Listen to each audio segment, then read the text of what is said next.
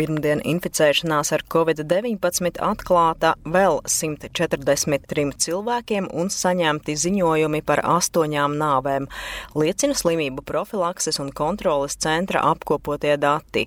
Jaunākais no upuriem ir vecumā no 40 līdz 49 gadiem, vecākais no 90 līdz 99.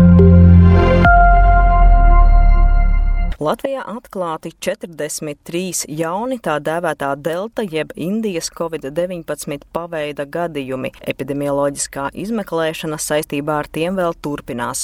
Otradien valdības sēdē informēja slimību profilakses un kontroles centra epidemiologs Jurijs Perevoščikovs.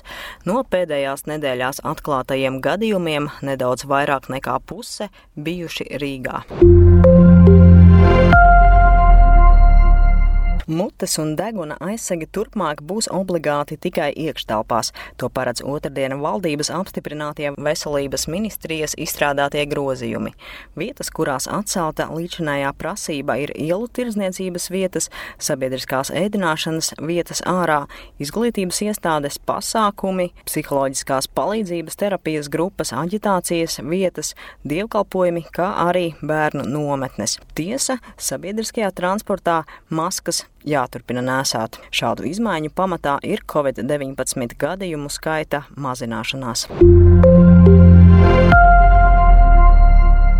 Vakcinētie un covid-19 pārslimojušie varēs ceļot bez testiem un pašizolācijas. Savukārt nevakcinētajiem nāksies turpināt ievērot lielāko daļu līdzinējo ierobežojumu. Satiksmes ministrs Tālis Linkaits no jaunās konservatīvās partijas otrdienas valdības sēdē aicināja iedzīvotājus rūpīgi iepazīties ar katras valsts iekšējo kārtību, jo katrai valstī ir tiesības pieņemt savus ierobežojumus. Ministrs atzīmēja, citēju, Konkrētie noteikumi ļauj vakcinētām un pārslimojušām personām brīvi ceļot bez jebkādiem ierobežojumiem un testiem gan Eiropas Savienībā, gan ārpus tās, tostarp uz augsta riska trešajām valstīm. Viņš norādīja, ka nevakcinētām personām arī turpmāk nāksies veikt Covid-19 testus pirms ceļošanas, bet atgriežoties nāksies ievērot pašizolāciju, ja būs Latvijā ieceļots no augsta riska valsts.